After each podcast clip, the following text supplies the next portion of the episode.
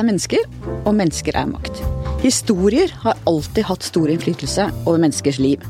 Jeg tror vi kan bruke ordet makt også om det. Vi kan kjenne oss igjen i historiene, de kan gi mening til våre egne liv. Og hva da med dem som opplever at ingen forteller deres historie? Forfatter av boken 'Tante Ulrikkes vei', Seshan Shakar, velkommen hit. Tusen takk. Du mener vi må forstå at mange ungdommer rundt deg jublet etter terrorangrepet på New York 9-11. Det skal vi komme tilbake til. Men først. Du har sagt at du alltid undervurderer hvor lite folk vet om å vokse opp med minoritetsbakgrunn. Hva mener du med det? Nei, altså det er egentlig en sånn erfaring jeg har fått både Spesielt etter den boka har kommet, for det har vært mye rundt i hele byen og hele landet, egentlig, og, og snakka med folk. Men også en sånn erfaring jeg hadde da jeg holdt på å si, vokste opp, og spesielt da jeg liksom gikk fra gikk var ferdig utdanna, begynte i jobb, og da møtte typisk et litt sånn annet segment enn det jeg hadde, hadde møtt før. Og, det, og, jeg mener jo virkelig ikke det på noen sånn nedsettende måte, men, men, det er jo ikke tvil om at folk har jo Det er jo en gang sånn, da, hvis vi tar utgangspunkt i den byen her, at vi, vi krysser ikke hverandres veier så veldig ofte, egentlig. Vi lever på mange måter i mange ulike landsbyer innafor samme by, da, for å si sånn. Og det, det merker man jo. sånn at det, det, det, er veldig veldig mye nysgjerrighet, først og fremst, jeg møter. Og så tror jeg veldig mange, kanskje etter de har lest boka eller snakka med meg, så finner du ut at det, det, var jo ikke så eksotisk, tross alt, å vokse opp på Stovner. Det var ganske mye likt. Drabantby er drabantby? Det er fort det, altså. Det er fort det. Du sier at du av og til blir sliten av debatten om innvandring og integrering. Samtidig så må vi jo snakke om det som er vanskelig, og det som stiller oss på mange prøver. Hva, hvordan ser du den balansen sjøl? Nei, vet du hva, det syns jeg er kjempevanskelig. Og det er jo Det jeg føler har vært et litt sånn kan si underkommunisert perspektiv da, i de integreringsdebattene som vi har hatt siden jeg var ja, Så lenge jeg har fulgt med, holdt jeg på å si er at uh, man glemmer noen ganger målgruppa for dem. At uh, det sitter noen på mottakersida. Uh, og det er klart, for den på mottakersida så er det jo ikke bare den ene saken som er viktig å løfte, ikke sant? eller der vi må tørre å ta debatten. Det er kanskje den 350. det året. Og, det er klart, det føles, og det har jeg følt på sjøl veldig mye, det føles, veld, føles ganske klaustrofobisk, altså. Blir det for lite hverdagsliv, på en måte? Ja, på mange måter gjør det det, altså. Og det, og det er en sånn slags følelse at du du kommer liksom aldri unna. Er det noe igjen, liksom? Og samtidig som jeg skjønner på et makronivå, selvfølgelig så skjønner jeg at mange av de debattene er helt nødvendige å ta. Men, men, jeg føler at akkurat det der målgruppa, å forstå liksom hvordan de debattene ser ut i en stue på Stovner, da, det, det er et litt sånn underkommunisert perspektiv, og, og, for så vidt en viktig del av den boka uh, som jeg har skrevet. Hva tenker du vi snakker for mye om, og hva snakker vi for lite om? Spørsmål. Ehm, jeg tror først Når vi sier integreringsdebatter, så er det jo på en måte Hva er det egentlig blitt? Integrering, altså det begrepet er jo Det, det rommer jo alt. Det er, føler vi Kanskje snakker vi for lite om den på en måte den mer eh, Kall det den økonomiske eh, integreringa, altså arbeids eh, og skole og utdanning og den linja av det. Så snakker man kanskje uproporsjonalt mye om verdi- og holdningsbiten av det. Og, ja, hvis jeg, veldig sånn grovt, vil jeg vel si det.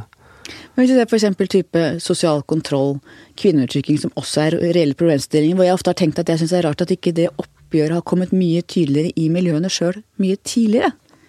Ja, det kan man si. Det kan man absolutt si. Altså, det har nok det, har jo, det syns jeg har kommet ganske sterkt nå de siste årene.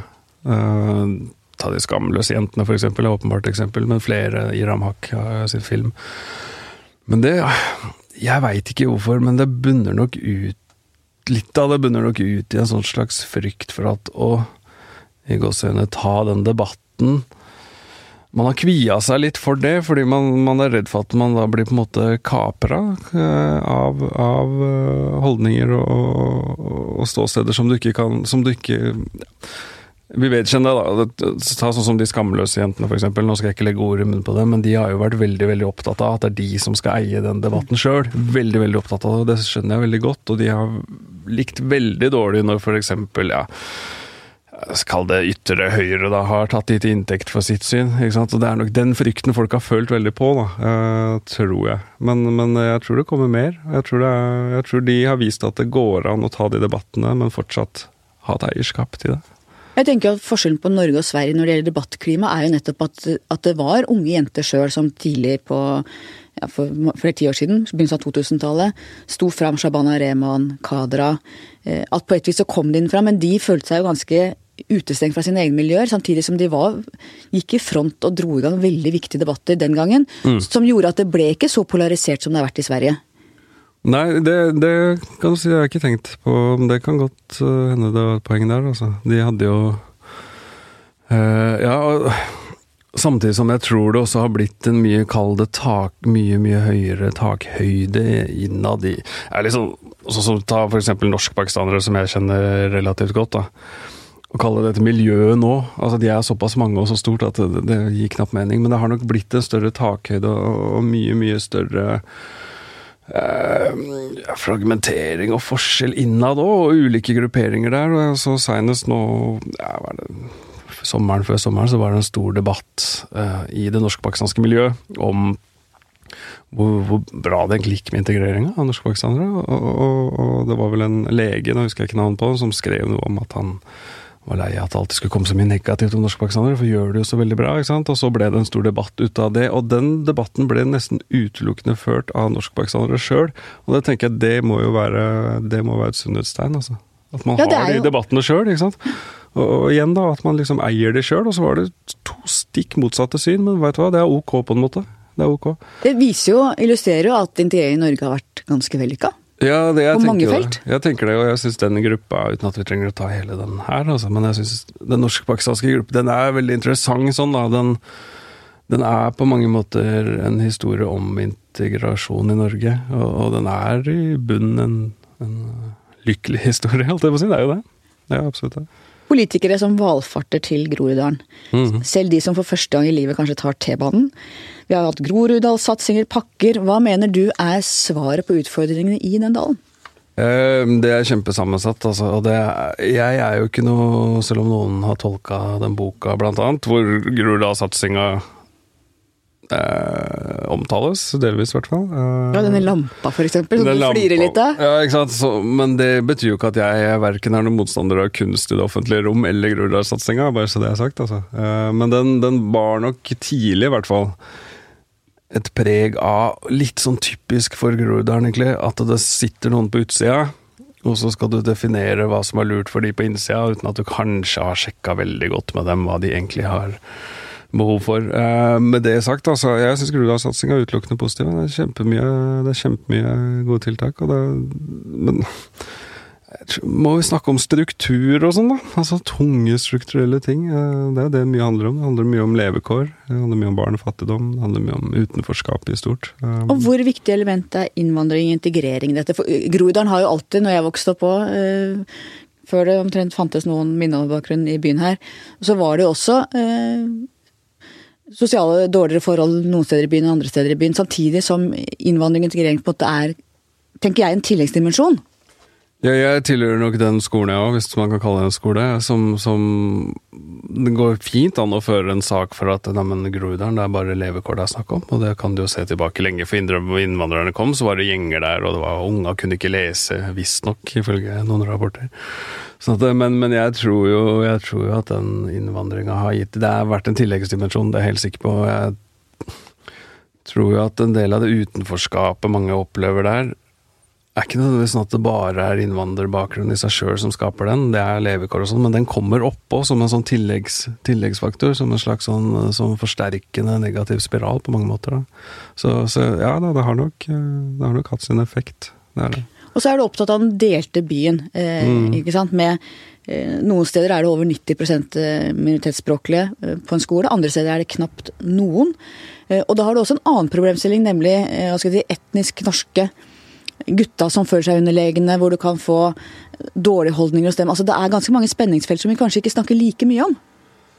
Nei, vi snakker jo ikke like mye om det den andre veien, det har du nok rett i. Og det, det, gjelder jo Eller han, han holdt på å si eh, Jeg hater sånn etnisk norske, men la oss kalle det det. Naboen som, som opplever at han er nese som er igjen, på en måte. Og, og det, man har nok Sett i ettertid, da, så tror jeg man kan si at man har nok i for liten grad fanga det perspektivet, da. Eller vært opptatt av det. Og det Um, det er klart jeg skjønner mange av de godt, samtidig som ja, Når det gjelder skoler og sånn, så jeg, jeg, jeg, jeg, vil ikke, jeg vil ikke hoppe dit at en høy minoritetsandel på en måte er problematisk i seg sjøl heller, alltid. altså. Så, så, jeg er litt usikker på akkurat det der. Jeg tenker at en god miks er riktig. Jeg tenker jo at det, jeg, det å vokse opp et sted hvor du ikke har noen med en annen bakgrunn enn din egen, er ikke bra uansett om det er bare vet ikke hva jeg skal kalle etnisk norske, eller ja, ja, ja. eller hva du kaller det, eller om det bare er folk med innvandrerbakgrunn. For at Norge er ikke sånn. Norge er mye mer sammensatt, og da bør skolene gjenspeile det, og oppveksten gjenspeile det for alle unger i Oslo. Ja, det, ikke sant? og det tenker jeg, og det er noe med hvordan vi utruster dem til å møte verden der ute òg. De skal jo møte en, en, en, en, sammensatt by, altså på tvers, og, og en verden. Og, og, det er klart jeg også har tenkt på det, det mye av den problematikken gjelder jo også gjelder jo også f.eks. vestover, at det er jo veldig, veldig homogent. ikke sant? Og det, uten å sette, det er ikke noe sånn skyld eller ikke skyld her, men det er klart, det blir veldig ofte framstilt som om på en måte segregering er litt sånn innvandrernes skyld sjøl. Eller det er sånn de, de liksom ja, de rotter seg liksom litt sammen, ikke sant. De vil på en måte kanskje segregeres litt, men hvis du ser liksom på tall og forskning, så er det jo de som segregerer seg, er jo de ressurssterke. Vinneren. Ikke sånn, for eksempel. Ullevål Hageby. Ja, ja, ja, det er jo der segregeringa er sterkest. Sånn at den, den segregeringa handler nok like mye om at de ressurssterke klumper seg sammen, som at de kalde ressurssvake gjør det. Altså, så, så, det er noe med hvilken veier det går. Det går begge veier, det her. altså. Frykter du parallellsamfunn i Oslo? Um, både og. altså Jeg har blitt spurt mange ganger om det er svenske tilstander, f.eks. i Groruddalen. og det det er nok de aller fleste, og jeg er også enig i at det er det ikke. Men det er klart det, det, det er verdt å, å, følge med på. Vi har en del tendenser som peker i den retninga, da. Det, det, tror jeg det, det, Men det føler jeg man for så vidt er obs på. Men, men, hva virkemidlene er, det er litt verre. Jeg har vært bl.a. på politistasjonen på Stovner og snakka mm. med folk på forebyggende avdeling der, og de er jo bekymra for det. De sier også at vi har det ikke nå, men hvis ikke vi agerer, også med type flere forebyggende politifolk ute i gatene, eh, og mer forebyggende andre typer, så kan vi få det. Mm. Ja, jeg øh, deler for så vidt den oppfatninga, altså. Det er fint at de er opptatt av forebyggende tiltak òg. Eh, det var jo i sommer seinest, da det var en ja, Var det ikke sommer? Eller hele 2018, egentlig, hvor det har vært mye diskusjoner rundt Stovner, og det var kasting av stein, og det var bensiner, bilbranner og i det hele tatt. Og da var det jo veldig mange som rykka fort ut med at vi må liksom ha mer lov og orden. Omtrent, Politiet må ut og, og, og, slå ned på dette. Og så var det vel Raymond Johansen, da, byrådslederen, som sa at vi må tørre å snakke om klasse, og så ble han litt sånn i hvert fall av enkelte litt sånn latterliggjort for det. ikke sant? Og han Raymond tar jo ikke tak i noe her. Men jeg mener jo, og det her mener jeg genuint, altså det er noe det er noe av det vanskeligste du kan snakke om, er jo det med klasse og levekår. ikke sant? Hvordan du gjør noe med det. Så jeg, så, så jeg kjøper jo ikke det at det på en måte er, er å, å, å, skyve problemet unna. Så jeg syns det er mye mer lettvint løsning å rope på mer politi, f.eks. Eh, selv om man kan trenge det òg. Altså ja takk, begge deler, selvfølgelig. Ja, vi skrev en veldig skarp leder faktisk mot Raymond Hansen den gangen, ja, og tok ham for dette. Eh, fordi, nettopp fordi han underspilte innvandrerelementene. Og vårt poeng var at det handler om begge deler. At du kan ikke si at det ikke handler om innvandring, men du kan ikke si at det bare handler om lov og orden og politi. Du må mm. si at det både handler om klasse, sosiale forhold, mm. forebygging og politi, og at innvandrerelementet er også en del av det. Og det følte jeg at han underspilte veldig, så vi tok han, vi var blant de som tok han litt kraftig for dette. Ja, jeg er ikke noen sånn ensidig forsvarer av det. altså jeg bare synes det var det det blir å på en måte Kall det latterliggjøre, eller på en måte Ta det litt, da. Ja, som en del gjorde. Ikke VG nødvendigvis, altså, men en del andre gjorde det. Det syns jeg nok er en litt for enkel løsning, da. Jeg syns absolutt han hadde poeng, men jeg tenker jo ja, Veldig mye av den utenforskapen mange opplever, er jo jeg tror veldig mange, i hvert fall da jeg vokste opp, og jeg vil tro det er mye av det samme, de føler jo på mange måter at de føler på mange måter at norsk offentlighet ikke er så opptatt av dem, og de tinga de er opptatt av, de føler at de ikke blir sett. Det er noen ganger så enkelt som det, altså. Litt tilbake til historien, at man må få fortalt historier man kan kjenne seg igjen i. Det er, noe, ja, det er noe med det. Jeg tror folk har, sant, folk har, Det er et helt grunnleggende behov. At du, du, har behov for å føle at de tinga du er opptatt av, det som er viktig for deg, sånn du ser verden, at det møter litt anerkjennelse. Da. Og det tror jeg veldig mange føler at det i veldig liten grad gjør i norsk offentlighet. Og det, der tror jeg det skapes mye utenforskap. Fortell om da du forsto at verden der ute så Stovner annerledes enn du gjorde. Ja, det liksom, Som barn så tar jo alt for gitt, på en måte. Jeg hadde en kjempefin oppvekst på Stovner, er bare så det jeg har sagt. Eh, men da jeg husker en Vi hadde en lærer som En veldig, veldig fin lærer. Det tipper jeg vi var sånn annen-tredje klasse på barneskolen. Kanskje fjerde, altså. Og så fortalte han oss uh, i klassen husker jeg, at uh, da han hadde fått jobb på den barneskolen på Stovner, så hadde en masse kollegaer og bekjente av han sagt nei, hvordan kan du ta en jobb der? ikke sant? Det er helt Unga helt forferdelig, og Stovner liksom, og gjenger, og det var ikke mål. Alt var fælt, og hvordan kunne han finne på det? Og han fortalte jo oss den historien som en slags sånn harselas med de bekjente og kollegaene, ikke men jeg tok det jo ikke sånn, fordi jeg tenkte Mener noen det, liksom? Det sitter det noen og sier, da. Første gang jeg liksom på en måte kan huske, i hvert fall, jeg husker det tydeligvis fortsatt, at, at ok, det sitter noen der ute og mener de tingene. Det var helt nytt for meg. Det er det jeg hang meg opp i. Ble du lei deg, eller sint, eller overraska? Det veit du hva, det, det, husker jeg ikke helt, men jeg var nok generelt opp igjennom så var jeg nok ganske mye sint på akkurat det. At man følte det, man følte at det var veldig urettferdig, da, ikke sant? at man på en måte ble fremstilt på en måte man ikke kjente seg igjen i, og i det hele tatt. Da. Så, så jeg var nok mer jeg var nok mer den litt sånn sinte, helt klart. Fortell om oppveksten din. Um, ja, altså øh, Vokste opp på Stovner. Uh, I Tante Ulrikkes vei? I Tante Ulrikkes vei, altså. Den, det er jo en ekte gate med, med, i en blokkleilighet der. Med en tvillingbror. Enega, til og med. Så to av oss. Um, og, og, egentlig en veldig veldig fin sånn oppvekst. altså Det er jo De ytre drabantbyene holdt jeg på å si, i Oslo er jo vi er kjempenær. Hadde skauen som nærmeste nabo. Masse ute, masse i skauen. Unger i hver oppgang. Veldig sånn uh, lavterskel, alt. Masse ute. Um, Boksengård og fotball og snøballkriger. altså Veldig sånn, veld, veldig fin oppvekst på mange måter. altså Det var det absolutt. Moren din, hva slags type var hun? Moren min var jo uh, Eller er jo Hun ja, hvordan skal jeg si det? Hun, uh, hun var veldig, veldig flink til å følge oss opp på ting. Altså, hun var sånn Hun er den som liksom fulgte til treninger og sto på foreldremøter og holdt på veldig sånn. Men også veldig sånn dame som har en sånn der iboende Kall det en blanding av forakt og motstand mot liksom systemet. Hun er jo en gammel arbeiderklasse, skikkelig arbeiderklassefamilie. Er fra Grünerløkka? Hun er fra Grünerløkka. Da Grünerløkka var noe helt helt annet enn det der i dag. Da Grünerløkka var skikkelig skikkelig arbeiderklasse, og bestefaren min jobba på spikerverket. Og, og, og, det var noe helt annet i dag, enn i dag. Og hun, hun, Hvor mange ganger hun har vært i clinch med et eller annet offentlig kontor og dratt opp dit og kjefta dem huden full, det veit jeg ikke, altså. I så stor grad at da hun Hun ble jo på mange måter en slags sånn advokat, eller hva skal du si, for faren min sine Faren min er jo fra Pakistan. Han hadde mange venner som hadde ja, diverse problemer, med alt fra ligningskontor til, til trygdekontor til alt mulig. Og da var det å sende kona til sjakar opp. Hun har bare folkeskolen? Hun har ja, ikke noe mer enn det, altså. Sånn at, Men smart dame?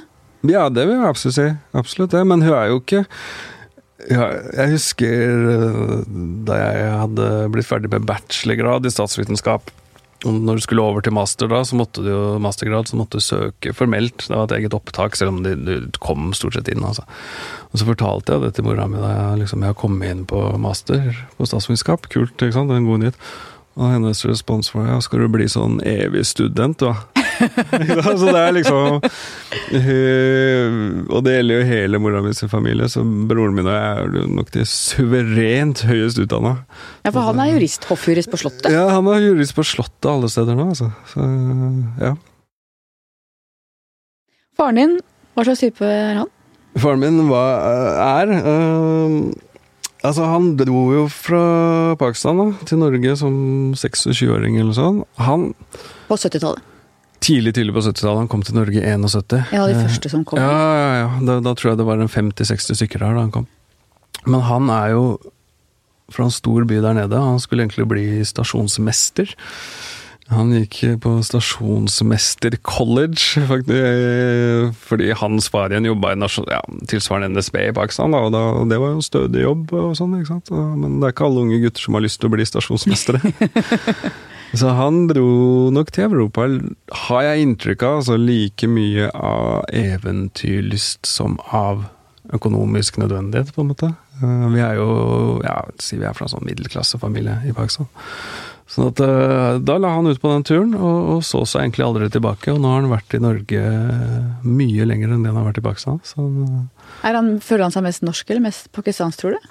Han, han føler seg nok på mange måter mest pakistaner, altså.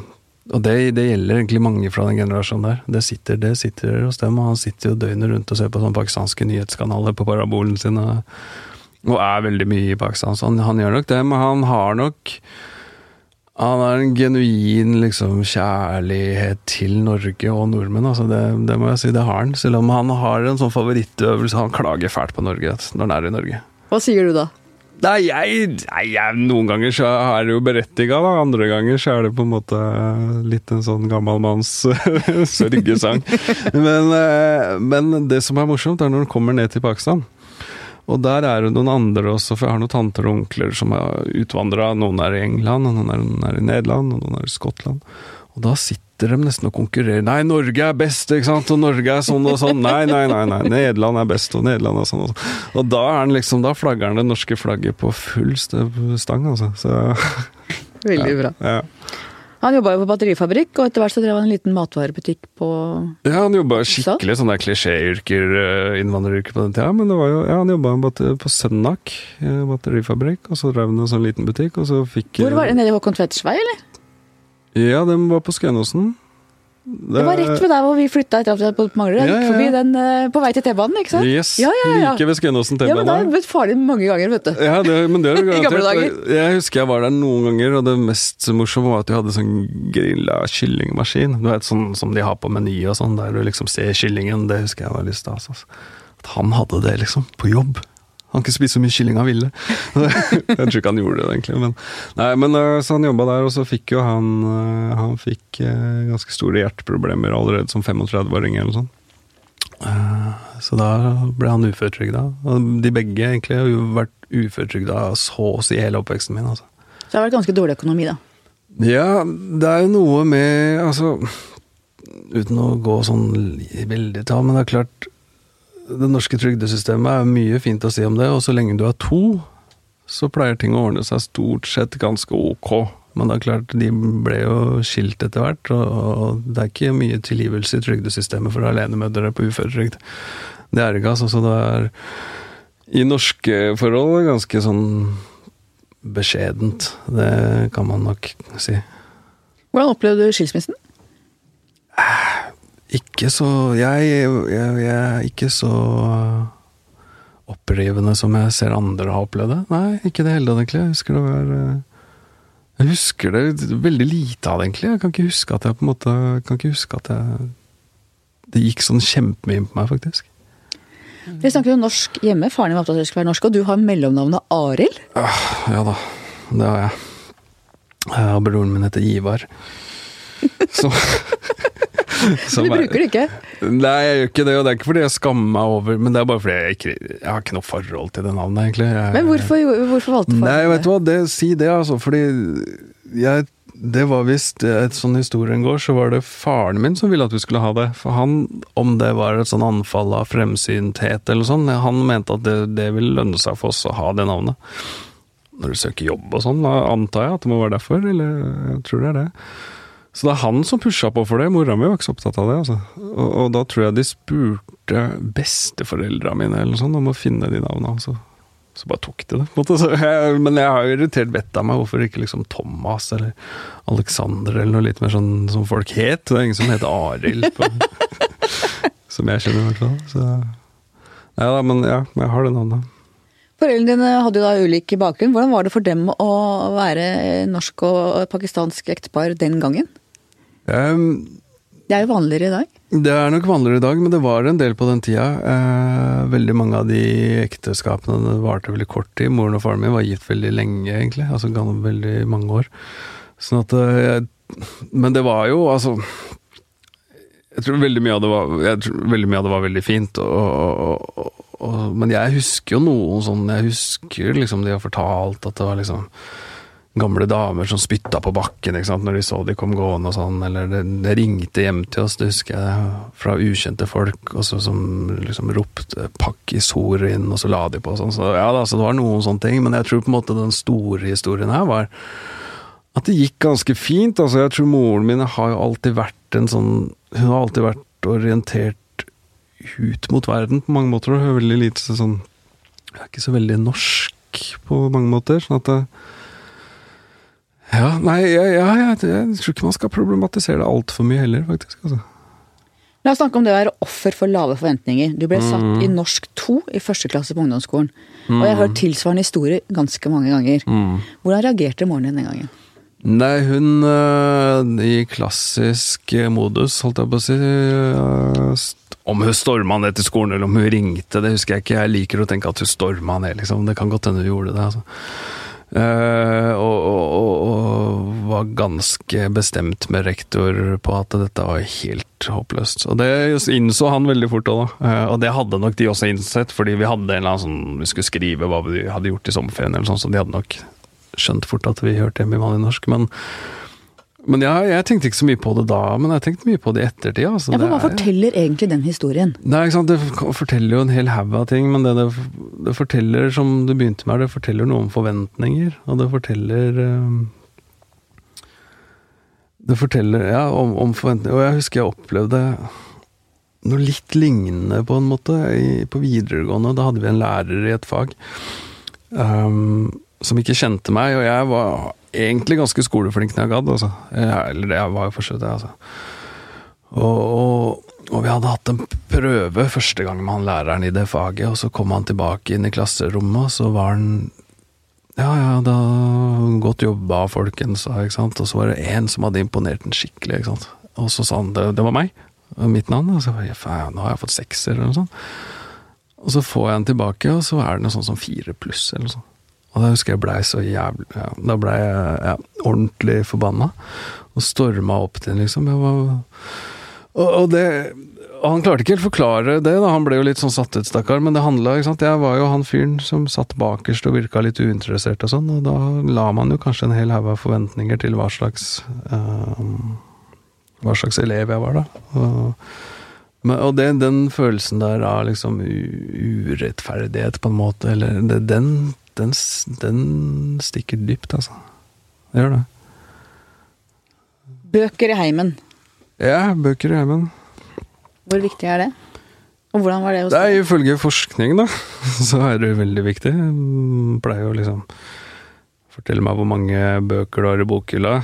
Så kan jeg fortelle deg hvordan det går, som egentlig er sånn bilde Det er ikke bøkene i seg sjøl, selv, selvfølgelig. Det er den sosiale kapitalen i hjemmet som har deprimerende mye å si altså for hvordan det går med deg i livet. Hvis du ser på sånn forskning, det er helt altså det er helt eh, Det er så tett forhold mellom den der sosioøkonomiske bakgrunnen din og og liksom hvor, ja, En ting er liksom hvor godt du gjør det på skolen, men arbeidsmarked og hva du spiser, hvorvidt du går på teater eller ikke, ikke du, hvor du drar på ferie, det har utrolig mye å si. altså. Sånn at øh, Jeg vokste jo opp i et hjem uten noe bokhylle i stua. Men, det er stort men der, det hadde jo Moren min hadde jo heldigvis Jeg kaller det fornuften, eller hva det er for noe, men hun tok seg i hvert fall råd til sånn abonnement på Bokklubbens barn, heter det vel. Er det ikke det? Barnas bokklubb? Jo, Bokklubbens Bok- barn, ja. Bokklubbens barn, ja. Ja. Med de der blå marihønene og røde Ja, ja, ja, ja, sånn. ja. Sånn at eh, vi fikk sånn at bøker var egentlig på mange måter del av min oppvekst. Altså, vi le hun leste mye bøker for oss, og så begynte vi etter hvert å lese mye sjøl. Sånn at jeg oppdaga nok tidlig på en måte Eller jeg hadde hatt et sånn grunnleggende positivt forhold til bøker, da. Hun var en bokhyllemamma, med Hun- veldig trang økonomi som prioriterte Ja, bøker men som leste i veldig begrensa grad sjøl. Men veldig opptatt av at vi skulle gjøre det. Altså. Sånn, og sånn var hun på mange ting. Hun ville at vi veldig opptatt av at vi skulle gå på ski og skøyter og sånn. Hun har aldri tatt på seg ski sjøl, omtrent. Men, eh, men, eh, og sånn var det med bøkene òg, så jeg vokste på mange måter opp med bøker, selv om vi ikke hadde noen bokhylle. Altså. Og så var vi inne på broren din, tvillingbroren din, Mm. hoffjurist på Slottet. Hva var det med deres bakgrunn som gjorde at dere begge lyktes sånn som dere har gjort? Nei, det der har jeg blitt spurt om flere ganger. Hvis jeg først kan liksom utfordre premisset litt, da, som er sant, Det er så fort at man liksom At man faller i en sånn greie hvor det å lykkes er på en måte å ta høyere utdanning. Uh, og i hvert fall uh, Jeg tenker jo det er, det er, definitivt en måte å gjøre det på, men jeg pleier å bruke eksempler på min veldig sånn ganske sterkt dyslektiske kompis. Som streva seg gjennom skolen og fikk et fagbrev og ble bilmekaniker, og i dag forsørger seg og flere på det. Han, I mine øyne han lykkes òg, sånn at det, det, man skal være litt sånn forsiktig. Men dette er jeg enig i. Ja. ja. Så det, det er, man måler det veldig ofte opp mot sånn utdanning og sånn. Altså, men sånn for vår del så tror jeg det er blanding av, av flere det er, det er, en litt sånn ubestemmelig greie som er det der indre driv, på en måte, som, som kanskje som kanskje kommer av litt av den der at du hadde sånn ja, litt beskjedne kår sjøl. Eh, og, og, at vi var to, tror jeg hjalp. Veldig. sant? Ble, er dere nære fortsatt? Ja, ja, det er vi absolutt. Og, jo, og vi er jo veldig sånn konkurranseorientert, da. Så, Med hverandre? Ja, ja, ja, er du gæren. Sånn at eh, Og at jeg nok i min kompisgjeng som var ganske stor, og som har alt fra på en måte folk som har mastergrader i dag, til folk som har sittet inne, til folk som har begge deler. De finnes det, ja. Men i den kompisgjengen så var vi en tre-fire stykker som var veldig orientert mot det der med skole og, og utdanning og sånn. sånn at det var en sånn én pluss én pluss én er ti-effekt, på en måte. Uh, ja. Da fikk du en sekser i norsk. Mm. Det var viktig for deg? Den har nok betydd mer enn jeg skjønte der og da. Det var Jeg var jeg var flink på skolen når jeg gadd, og så gadd jeg nok ikke så ofte som jeg burde på ungdomsskolen og videregående. Det kjenner sikkert mange seg igjen i. Men, eh, men, jeg fikk én sekser på vitnemålet, og det var i norsk. Og han norsklæreren han var en litt sånn ukonvensjonell type. Han var veldig opptatt av at vi liksom Ja, frie tanken og litt sånn der liberaler, på en måte. Litt sånn kunstnerisk fyr. Og han Den sekseren fikk jeg utelukkende fordi jeg var flink til å skrive norsk stil. Jeg var ikke noe spesielt god på, på, på, på grammatikk eller på Bjørnson og Ibsen og romantikken. Gammelnorsk? Nei, gammelnorsk er ikke noe, men jeg var, jeg var, nok brukbar på å skrive stil, altså. Og det ga nok, sånn sett i ettertid, da, det er klart den liksom følelsen av mestring, at dette er noe jeg kan, hvis jeg gir det et forsøk, på en måte, den har nok ligget i bunnen og, og gitt lyst til å skrive mer seinere, altså. Men da, ja, jeg skrev jo sånne ting som Jeg syns jeg var helt genial på den tida. For jeg, hadde, jeg, trodde, jeg tenkte jeg hadde skjønt masse ting. Det er jo vanlig blant ungdom. Ja, ja, ja, jeg hadde skjønt liksom, Jeg skulle veldig opptatt av sånn i-land og u-land, og vi hadde liksom og, verden hva faen, den er jo driturettferdig, liksom. Og nei, men vi ser bak strukturene, og liksom Vi hadde skjønt, så jeg skrev en sånn stil, husker jeg, på nynorsk som het Afrika er ikke bare elefanter. En annen stil på norsk om Big Brother-samfunnet. Uh, hvor jeg hadde lest den der 1984 av Orwell. Sånn at jeg var ganske sånn Jeg følte meg veldig radikal. Var nok ikke det, altså. Jeg skulle ønske jeg hadde de stilene fortsatt. At Jeg hadde tatt vare på det. Men, uh, men, det, men den sekseren, altså, den, den, den, betydde mye. Det gjorde det, altså. Og har du skrevet den boka du selv gjerne skulle lest som ung gutt? Ja, ja, på mange måter. Man, men det tror jeg veldig mange forfattere vil si. at Hvorfor skrev du det? Fordi du, du, følte et eller annet savn etter noe, da. Eller du følte det et eller annet som ikke eh, fantes på mange måter. Og det, det, den boka var jo på mange måter det, altså. Fortell om de to gutta. Jamal og Mohammed, eller Mo. Ja, de er jo to um, ytterpunkter på veldig mange måter. Og to i hvert fall sånn tilsynelatende, nesten litt sånn stereotypier av han der minoritetsgutten fra Stovner. Han skolestreberen som er opptatt av høyere utdanning, opptatt av å komme seg på Blindern og få et stort hus og i det hele tatt. Og så er det han andre som er mer han med hette, hettegenseren på, som henger ute på gata. Og begge de to fins jo. Og man blir jo veldig glad i begge to. Ja, men det, det er fint å, å høre, på en måte. Begge de to det var liksom poeng i seg sjøl å ha to såpass forskjellige, da. Litt for å vise bredden, bredden i, i, han minoritetsgutten fra Stovner. Han kan være veldig mye forskjellig. Hvem av dem kjenner du deg mest igjen i sjøl? Det som er litt sånn interessant med det, er at veldig, veldig mange antar veldig fort at jeg er han Eller ikke er, da, men at han Mohammed-karakteren. Fordi vi på en måte har gått på Blindern begge to og sånn. Men jeg er nok mye, veldig mye han Jamal-karakteren òg, spesielt sånn sosialt. og hadde mye venner og hang mye ute og sånn, sånn at det er nok en god blanding av begge. altså.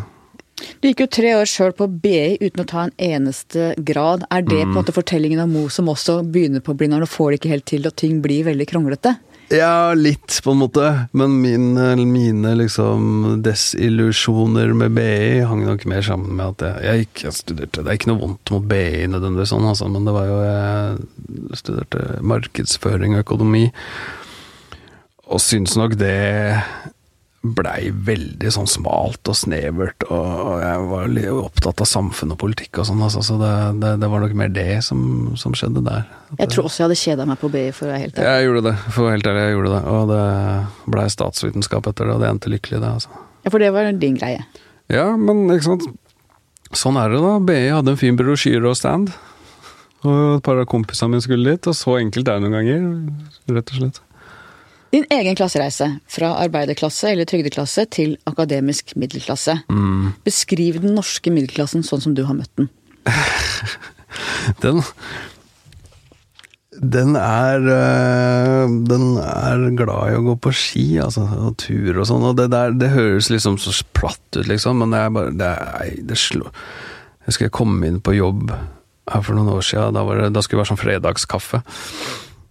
Og da satt de hadde slått opp et bilde av et fjell på storskjermen, som de satt en sånn seks-sju stykker Jeg tror jeg husker om det var Blefjell, eller om det var Gaustatoppen, eller hva det var for noe, det husker jeg ikke. Og satt i fullt alvor, liksom, og snakka om det fjellet og turer og utstyr og skitype. Ja. Den delen der klarer nok ikke jeg helt å komme meg til, men eh, nei, jeg eh, den, den, er så mangt, den der norske middelklassen. Altså, jeg tenker den, eh, den er ja, den Nei, jeg du har jo beskrevet et, ditt eget kulturkrasj, på en måte. Da du var fersk i arbeidslivet. Jeg visste jo ikke hva østers var. ikke sant? Teater, ja. kultur, alle disse tingene som er markører for ja, og det er nok, ikke sant? Og det er den, men jeg har ikke lyst til å karikere det helt heller, det er jo mye mer enn det òg. Men det er definitivt element, et element av det altså, som jeg har følt veldig på. At jeg på en måte alt fra liksom Wien til Toskana til eh, østers til teater. Der referansene er veldig veldig, veldig mange andre enn de har vokst opp med. Da. Og det, den har tatt en stund å på en måte komme på innsida av det. Jeg tenkte litt på faren min. Han var eh, vokst opp på gård, bonde på Vestlandet. og Var den første i sin eh, familie som reiste inn til byen, tok utdanning. Og møtte moren min, som var en, var en ganske sånn borgerlig mm. lektordatter fra Marienlyst. Eh, og hun lærte jo han å gå på langrenn, hun lærte mm. han klassisk musikk. Altså, så egentlig så tror jeg han, eller bondestudentene på mm. 60-tallet tror jeg hadde litt den samme opplevelsen i møte med middelklassen som du beskriver. Det tror jeg er nesten en én-til-én-opplevelse. Altså det, det, er helt enig, jeg har hørt det fra mange andre òg. jeg, det tror jeg. Og det, det, ja, det er noe med det, altså. Og det er noe med den kanskje den mest problematiske biten av det. er liksom den, Det er en sånn tendens til å være veldig sånn smaksdommere. Den sliter jeg litt med. Men middelklassen ser på seg, som, seg selv som veldig tolerant? Ja, den er jo på mange måter det, altså. Men den, den, den, den er det innafor noen grenser, på en måte. Eh, og hvis du ikke har forstått de, da faller du veldig fort utafor. Hva tenker du er den viktigste grensa der? Nei, nei, det er vel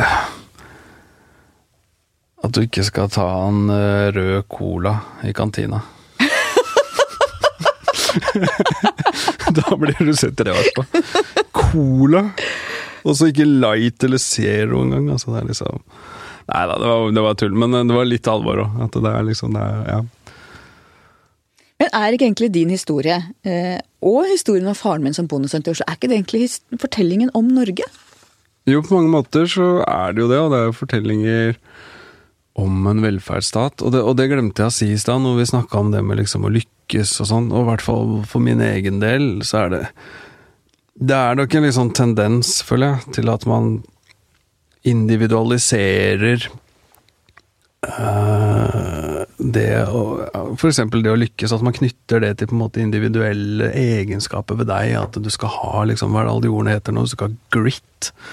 Og du purpose skal ha ja, ikke sant, purpose, og du skal liksom At det er liksom indre egenskaper på deg som forklarer om du lykkes eller ei, og det tror jeg nok det til en viss grad er, liksom. Ja, du må jobbe hardt, åpenbart. Selvdisiplin er en helt åpenbart fin evne å ha, liksom, men, men, det er nok noen strukturer som ligger på plass i velferdsstaten Norge, som for min del har vært helt, helt avgjørende for at man kunne ta den reisen, og det handler om Statens lånekasse, for eksempel. Ja, Du hadde jo i likhet med de to gutta i boka di stipend for Lånekassen mens du Det- var på videregående. På videregående, som var et sånt stipend for Det var ganske mange på skolen min som hadde, for så vidt. Men øh, som var et sånt stipend for folk fra lavinntektsfamilier. Uh, pluss at jeg jobba. Jeg jobba hele veien. Jobba Burger King. Burger King mens jeg gikk på videregående. Jobba på Norsk Gallup. Jeg jobba i ja, forskjellige kassa på matvarebutikker. Alltid jobba, altså. Så at det er noe individuelt der, men det er klart det har vært helt, helt avgjørende å ha det der breie velferds... Høres ut som en sosialdemokrat her, men, eh, men det er, er det ikke ganske stor politisk enighet om de ordningene? Jeg Jo. oppfatter jo egentlig at det er det. Ja, absolutt. Og Norge er jo et land med stor sosial mobilitet. Det er jo det, ikke sant? Den amerikanske drømmen er jo betraktelig vanskeligere å oppnå enn den norske. Sier Jens Stoltenberg ofte. Han Det pleide å tror jeg gjøre det, i helt hvert fall. Ja, det tror jeg han har helt rett i. Det viser tallet. Hva binder Norge sammen? Hva er på en måte limet i vår, vårt land? Det er jo de store spørsmålene her, da. Nei, jeg Litt det vi snakka om nå. Altså, jeg, jeg, Norge har en sånn veldig rettferdighetstanke i bunn. Uh, en likhetstanke i bunn uh, som, som jeg det er, det er litt sånn båndplanka. Og, den står sterkt, den likhetskulturen. Og noen vil føle at den er litt klam. Eh, Jeg en, øh, vil ikke føle det, på en måte. Jeg syns den er nesten, nesten utelukkende positiv. Og det gjelder både i likhet eh, sosialt, på en måte, men også i forhold til likestilling, ikke minst. Ikke sant? Så at, ja, det er vel kanskje det som er det sterkeste. Er litt redd, litt, litt bekymra for at den forvitrer litt, lite grann, dag for dag, den likhetstanken. Jeg hadde Jens Stoltenberg her forrige uke, Ja. hvor vi om eh, Eller jeg var hos han i Brussel, rett og slett, så jeg var ikke her. Men vi snakket om bl.a. blant annet verneplikten. Dette med at tidligere hadde verneplikten hvor alle, i hvert fall unge, alle unge menn var på brakke sammen og var sammen. og Skamstjernen Iman Meskini har jo sagt at hun har aldri følt seg så norsk som da hun var i Forsvaret og på en måte ofra et år for landet sitt. Ser du det poenget? Ja, nå har ikke jeg avtjent verneplikten, da, men øh, Er det mange? Det som skjedde, var at jeg tilhører den generasjonen som kom akkurat da den holdt på å si liberaliseringa eller oppmykinga kom. Sånn at det Men det angrer jeg på. Jeg angrer faktisk på det.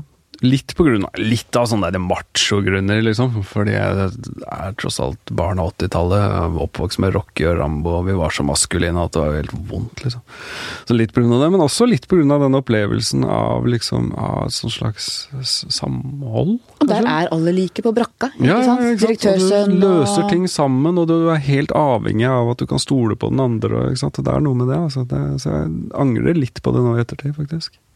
Og så har kongehuset. Jeg er jo varm tilhenger av kongehuset. Ikke for at jeg er så opptatt av eh, det kongelige, men at jeg tenker at det er en av de få nasjonale symbolene vi har som fortsatt som er, som er et slags lim i en tid hvor vi blir mer sammensatt religiøst, statskirka er over. At det er ikke så mye altså Du har barnetoget, du har 17. mai, du har kongehuset, som er noe av det som er norsk, da. For alle nordmenn som bor i Norge. Ja, dette er jo litt sånn kinkig, i og med at broren min jobber der borte. Men jeg er nok uh, teoretisk sett knallhard republikaner, altså. Det er alle, egentlig. Jeg ja. ikke sant? Og det er Jo, jo, noe med det. for er Teoretisk så er jo alle det. Det er helt ko-ko at man kan arve, det men det det. funker. Det gjør det, altså. Det, gjør det. det funker. Eh, Det funker. Men det er bare, så, bare sånn interessant i forhold til det, er jo at den største krisa vi har hatt i Norge i min og de fleste av vårt sin tid, som var 22. juli 2011, de to kanskje fremste samlende symbolene på det, var to folkevalgte, Fabian Stang og Jens Stoltenberg. Sånn at, eh, ja. Men også kongen. Også Han kongen. sto på sentrum scene og gråt, Jeg er, jeg er enig i det. Jeg er enig i det. Da prøvde jeg Ja, jeg er enig i det, altså. Eh, Jeg skrev i sin tid en kommentar som jeg kalte 'Norge for nordmenn', hvor poenget mitt var at vi må se hverandre som nordmenn uansett hvor vi har besteforeldre, om det er fra Punjab eller Gjøvik. Altså det som mange med innvandrerbakgrunn ofte blir spurt om, hvor er du egentlig fra? Hva betyr det for norske ungdommer som er født i Norge, oppvokst i Norge, er norske? Eh, akkurat det spørsmålet der, jeg tilhører nok den gruppa. Jeg har ikke så store problemer med det. Jeg spør folk om det hele tida. Og hvis du møter to innvandrerungdom, da, kall det det. Det første de spør hverandre om, er jo det spørsmålet de oh, men, men, ja, men Men ser de seg sjøl som norske alltid, eller, eller er terminologien at man er utlending? Da jeg vokste opp, hvert fall, så var det en veldig sånn Vi var en veldig sånn blanda gjeng eh, av folk fra, ja, fra, fra både Norge og, foreldre fra andre land. Og, men, men det var en veldig sånn bevissthet på om du var på den tida så var det liksom utlending eller norsk. var veldig, man var veldig bevisst på det, altså. Ja, for mitt poeng med en sånn Norge for nordmenn er jo at både eh, si, opprinnelige nordmenn, hva skal kalle det, må se eh, unger som vokser opp her med foreldre andre steder fra som nordmenn, og de må også se seg selv som nordmenn. At det er en tosidig Ja, affære. definitivt. Altså, det er liksom høna og egget også, ikke sant. For den ene vil si at nei, men siden de ikke gjør det, så ja. Men, men jeg, jeg er jo selvfølgelig 100% enig i det resonnementet, og det er dit vi må, og det er dit vi vil, er at man på en måte At det rommet for norskhet, da, jeg opplever nok fortsatt at det er ganske trangt til tider. Det er det. Og det, det Forklar det. Nei, det, det man intuitivt og instinktivt legger i det å være norsk, er fortsatt ganske smalt. og og, og ganske knytta til på en måte hvor foreldra dine kommer fra fortsatt. Det er det litt, altså. Selv om Selv om Ja. og Jeg mener, vi må jo Vi må jo selvfølgelig dit at liksom det rommet blir større. Og det er litt sånn i forhold til den boka jeg har skrevet, og når den Det er ikke veldig mange, men ikke sant, er det en innvandrerroman? Nei, det er en norsk historie. Det er sånn norsk virkelighet også ser ut. Det er ikke bare, altså Norsk virkelighet er mange ting, og norsk ungdom er mange ting. og det Men det blir jo nesten litt som at kvinnelige forfattere blir kalt for kvinnelige forfattere, mens forfattere, menn er bare forfattere. Ja, ja, ja. At du er, litt, du er litt i samme bås som kvinner kvinner i en del sånne sammenhenger, da. Det, definitivt. At man er ikke det som er normen. Definitivt, og jeg tror jo at uh, det er veldig mye likheter mellom kvinnekamp og, og, og ja, kall det antirasisme, eller hva du vil kalle den andre kampen. da. Det er veldig veldig mye likt, i den grad at jeg føler du nesten ikke kan være det, opptatt av det ene uten det andre, på en måte. Eh, Sånn at, øh, ja, enig. Du er opptatt av begrepet å representere. Hva legger du i det? Nei, det kan, det kan være så mangt, altså. Det, det er jo sånn man ofte sier til hverandre, liksom, ja, du representerer, liksom, som betyr veldig kort fortalt at du på en måte gjør noe positivt. Men det, men det er jo både en, både en glede ved å gjøre det, men det er også en litt sånn klamhet. Ved at du på en måte føler at du du alltid representerer noe, på en måte. Det er sånn som i den boka, for eksempel, så skal han uh, Mohammed han begynner på Blindern første dag, og så roper han Jamal etter Ja, du representerer oss, mann. Som er sånn Ja, du gjør noe bra, ikke sant, du går på Ikke sant, du gjør noe bra for oss. Mens han føler jo det mer som en sånn tvangstrøye. For han vil jo til Blindern for å bli fri, i anførselstegn, ikke sant. Sånn at den, den slår begge veier. Uh, sånn at jeg har litt sånn ambivalent forhold til det sjøl, altså. Føler du at du representerer noe annet enn deg sjøl? Ja, ja, ja, det gjør jeg definitivt. eh, Det, det gjør jeg absolutt. Jeg føler at jeg representerer både Groruddalen og Stovner, og kanskje minoritetsungdom til en viss grad. Samtidig som jeg Og mange ganger så elsker jeg å gjøre det. Altså Da vil jeg ta på meg den T-skjorta det står Stovner på, og flagge det, mens andre ganger så kan det føles ganske klamt. Ikke sant? Sånn at det er, ja, ja takk, begge deler. Det er ikke, ja. Vi må snakke om radikalisering blant unge. Hva tenker du om det? Um, det, ja, det er et stort tema, men um, jeg tenker det henger tett sammen med utenforskap. Det var ikke et veldig eh, sjokkerende svar, kanskje, men jeg tenker det gjør det. Og det er litt i forhold til Litt sånn som vi var innom i stad, og jeg tror veldig mange kjenner på og føler at det de er opptatt av, og hvordan de ser på, at, ser på verden, og hvordan den funker, de føler at det ikke blir anerkjent i norsk offentlighet i det hele tatt. Og du kan ta masse eksempler. eh, Si det har vært et terrorangrep i Kabul eller i eh, Ankara. Så skal jeg love deg at Facebooken min er full av folk. Gjerne f.eks. muslimer, som, som er ganske sure fordi de bare Nei, men hvorfor er det ingen som har lagd noe sånn Facebook-filter for Ankara? Hvorfor er det ingen Sjøsvi, ditten og datten? ikke sant? Det er en veldig sånn følelse der at man ikke blir tatt på alvor like mye. da, At man ikke betyr like mye, og at man at de tinga man er opptatt av, ikke blir anerkjent, og folk trenger anerkjennelse. Så enkelt er det. Når du ikke får den, så er det jo Man trenger jo ikke ta den altfor langt, men det er klart, da er det jo fort sånn at du søker de stedene som anerkjenner det. De mekanismene der kjenner vi fra både radikale liksom, islamister til nynazister til Ja, at du Og da Ja. Ja, Dia Khan her, hun sier at eh, det handler ikke om hat, men om kjærlighet, sier hun. Det å bli omfavnet et sted hvis du ikke blir andre steder. Ikke sant? Og det er noe med, ikke sant? Og så kommer du da til et sted som ikke bare anerkjenner det, de omfavner både det og deg, liksom. Og det er klart, det er en sterk følelse, altså. Spesielt hvis du er ung og kanskje det ikke er så mange andre ting i livet ditt som går veien din og sånn. Det er klart det er det. Men jeg kjenner at jeg reagerer emosjonelt når det kommer den filmen 'Hvorfor ikke kabel'? For at ja, det er en ganske rasjonelt, en naturlig tanke at jo nærmere skjer det noe i Drammen, så er det mer dramatisk enn om det skjer noe i Stockholm. Som igjen er mer dramatisk enn om det skjer noe i Paris. Altså, ikke sant, hele den, ja, ja. Eh, den eh, For det forteller meg også at, at de da på en måte ser seg mer som del av et muslimsk fellesskap enn som en del av Norge. Ja, Er det min følelsesmessige det, reaksjon? ja, ja, ja, og, sant? og jeg også tenker jo sånn Det er jo ikke Det er på en måte ikke rart at et angrep i London, som er en by veldig mange har et forhold til, har vært i, får mer oppmerksomhet enn ett i Karachi, på en måte. Jeg skjønner jo det, men samtidig så er det jo, så er det jo sånn at veldig mange av de Veldig mange av de som bor her vil ha forhold til de landene, ikke sant? På, på en annen måte enn det kanskje majoritetsbefolkningen vil ha. da, Og så kan du si at kanskje det er et urealistisk krav om at alle skal være like opptatt av Ankara som du er, på en måte, og det kan du jo diskutere, men for dem føles det jo veldig sånn, og så føler man nok veldig at man ser en veldig sånn klart mønster på, i et makroperspektiv, da, der man liksom, der noen liv er mer verdt enn andres, på en måte, vil det bli framstilt som. Da. Og, og, og jeg tror det at man føler liksom Jeg er litt sånn opptatt av Det blir ofte liksom framstilt som om det å ha to identiteter, som om, som om de da er i konkurranseforhold alltid. Det trenger de absolutt ikke, det er ikke min opplevelse i det hele tatt. Altså. Men det blir veldig ofte sånn at enten så er du liksom mer lojal mot det ene eller det andre, enten er du norsk, eller så er du liksom ja, kurder, for eksempel. Jeg tror veldig veldig mange, de aller aller fleste, balanserer de to identitetene fint. og det, Jeg tror det er fullt mulig å være lojal til to ting på en gang. og Det er fullt mulig å være glad i to land. og det er fullt mulig å liksom ha to identiteter til, og, og flere enn det. altså Sånn at jeg føler den, den diskusjonen blir litt for enkel noen ganger. Um, ja. Du har fortalt om folk på Stovner som jublet etter 9-11 i 2000. Mm. ja. Som jeg ikke trodde var noe særlig oppsiktsvekkende å, rapportere hjem om, holdt jeg på å si. Men eh, jeg husker jeg fortalte det til en jeg jobber med, som ble ordentlig sjokkert av det. Altså, det er grotesk. Og det er det jo. Det tror jeg, det må man jo bare, det må jeg bare si sånn for ordens skyld først, at det er jo moralsk, selvfølgelig.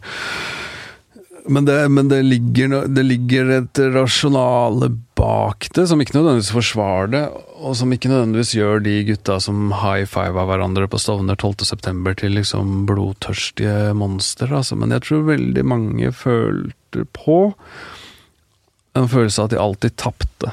Ikke sant? De tapte Kanskje tapte de sånn økonomisk sett i forhold til resten av landet. Følte veldig på det. Kanskje tapte du en følelse av at du var liksom mindre verdig som med innvandrerbakgrunn i Norge. At du kom kanskje fra et land som, som var et utviklingsland, hvor det som også føltes liksom mindreverdig i den store verden. Du følte i det hele tatt veldig mye en følelse av at du tapte på alle forbanna flater, så tapte du hele Alltid på taperlaget! Og så kommer de gutta her og gjør det de gjorde 11. september, og da tror jeg det er mye av den følelsen som utløste de, de, de jublene. Ikke, ikke en sånn der ordentlig refleksjon over liv som gikk tapt, men følelsen av at endelig Følelsen av ikke å være så impotent lenger, da, rett og slett. For unge gutter så er det en kjip følelse å ha. Og at du liksom viste handlekraft, at du turte å gjøre noe, på en måte. At det er den som på en måte frembringa det. Eh, ikke en sånn blodtørst. Det er jeg litt sånn opptatt av å få fram. Har den muslimske identiteten blitt viktigere for ungdom nå enn den var? Ja, jeg tror det. Jeg Hvordan tror det. arter det seg? Nei, jeg bare husker faren min liksom sa en eller annen gang, det er sikkert sånn ti år siden, deres generasjon snakker er så utrolig opptatt av islam, på en måte. Og han mente jo, han er jo, det var jo dem òg, det var jo muslimer like mye de òg, men det var nok, hadde nok et mer hverdagslig preg, på en måte. Mindre ideologisk? Ja, det tror jeg det hadde, altså. Men så kan du jo si at liksom En del av det har nok blitt fremtvunget delvis av den utviklinga man har sett i verden nå, hvor det har blitt en mer clinch kanskje mellom på en måte si islam og Vesten, da, enn det var på en måte på, på, på hans og dems tid. Så det er nok litt sammenheng med det. Men jeg tror nok den identiteten har nok blitt viktigere for mange. Det, ja, jeg tror det. Og hele debatten rundt karikaturstrid, eh, krenkelser, eh, Mm. ytringsfrihet versus religionsfrihet. Ja, jeg føler jo at en del medier, da, hvis jeg skal komme med mediekritikken min, men uh, at de har nok ikke forstått helt beveggrunnene til hvorfor en del muslimer er så sinte på det her. altså.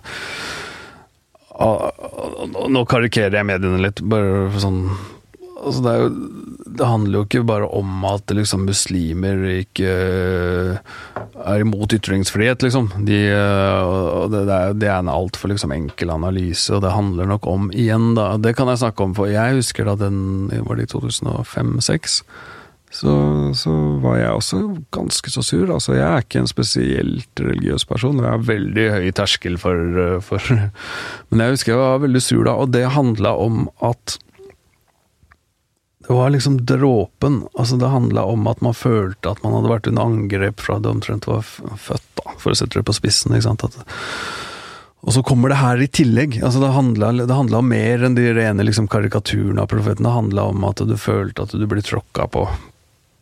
Men responsen, da, for at én ting er å være uenig og på en måte eh, Kristne kan også bli veldig lei seg hvis de ser karikaturer over Jesus, men det var responsen med vold og aggressive demonstrasjoner og det som eh, jeg som, eh, som pressemenneske og redaktør opplevde som en fullstendig mangel på forståelse for ytringsfrihet og for retten til å kritisere dogmer som religion. Ja da, ja da, og litt bunn... Det er ikke Altså, jeg skal ikke på en måte forklare bort det elementet der. Det tror jeg definitivt er et element, og det så man under Rushdie-saken mange år før det òg. Og jeg personlig har jo ikke noe særlig forståelse for liksom voldsbruk som følge av det. Jeg tenker på en måte kan man ikke bare altså, gi faen i det, for å si det på godt uh, norsk. Uh, men, men, men ja, men i hvert fall for mange av de fra liksom, min generasjon og sånn, det er jo de jeg kjenner best, så tror jeg, igjen da, tror jeg det handla om liksom, følelsen av, av å liksom bli tråkka på hele tida. Og nå får det faen meg holde, skal de drive og kødde med profeten òg, liksom? At det, det er den. Uh, mer enn selve den ytringsfrihetsbiten. Uh, jeg tror motreaksjonen fra det uh, si, majoritetssamfunnet blir jo at hva F mm. Ytringsfrihet ja, ja. som er en grunnleggende verdi her. Vi, vår sivilisasjon er drevet fram av religionskritikk, av oppgjør med kirka, oppgjør med dogmer. og så kommer noen og bare liksom reagerer sånn for at du tegner en tegning eller kritiserer religion. ikke sant? Mm. Det, det jeg kjenner i meg sitter den karikaturstriden veldig dypt fra motsatt side. Ja, den har jo Den har nok sånn på Sånn på Det er en stor diskusjon, og ble jeg usikker. Jeg holdt, for jeg holdt på å si at eh, sånn langtidseffekten her kan jo se ut til at man måtte Det har jo vært karikaturer i etterkant òg, som har vært mye roligere.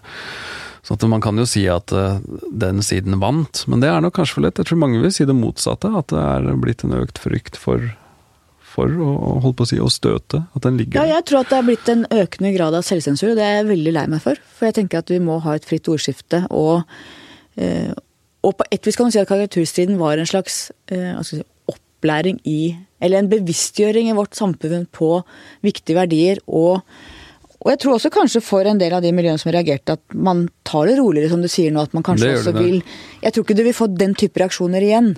Nei. Håper jeg i hvert fall. Nei, det, det, tyder jo ikke på det. Men så vil nok en del av de vil nok også si at ytring Vi trenger ikke gå inn i helt det, men mange av de vil nok, og de vil nok si at uh, de mener at man bruker ytringsfriheten ganske selektivt, da. Vil en del argumentere for.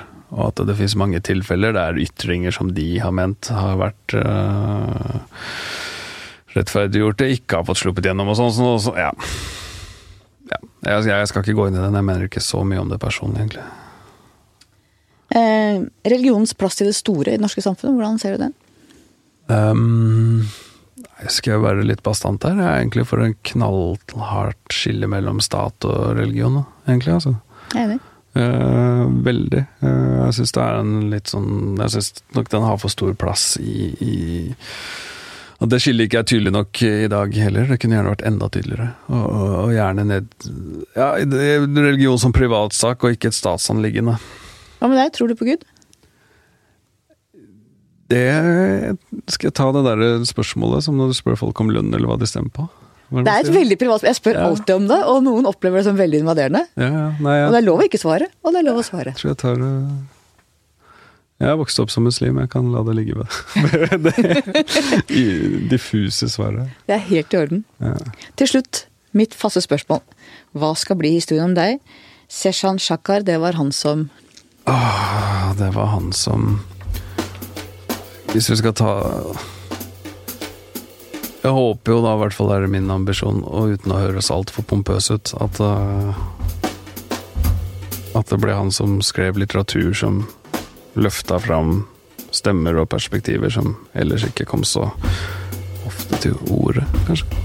Ja, da hadde jeg vært fornøyd. Bra. Tusen takk for at du kom. Takk selv. Takk til deg som hørte på. Takk til researcher Grete Ruud og vår faste produsent Magne Antonsen. Vi høres igjen om ikke så lenge.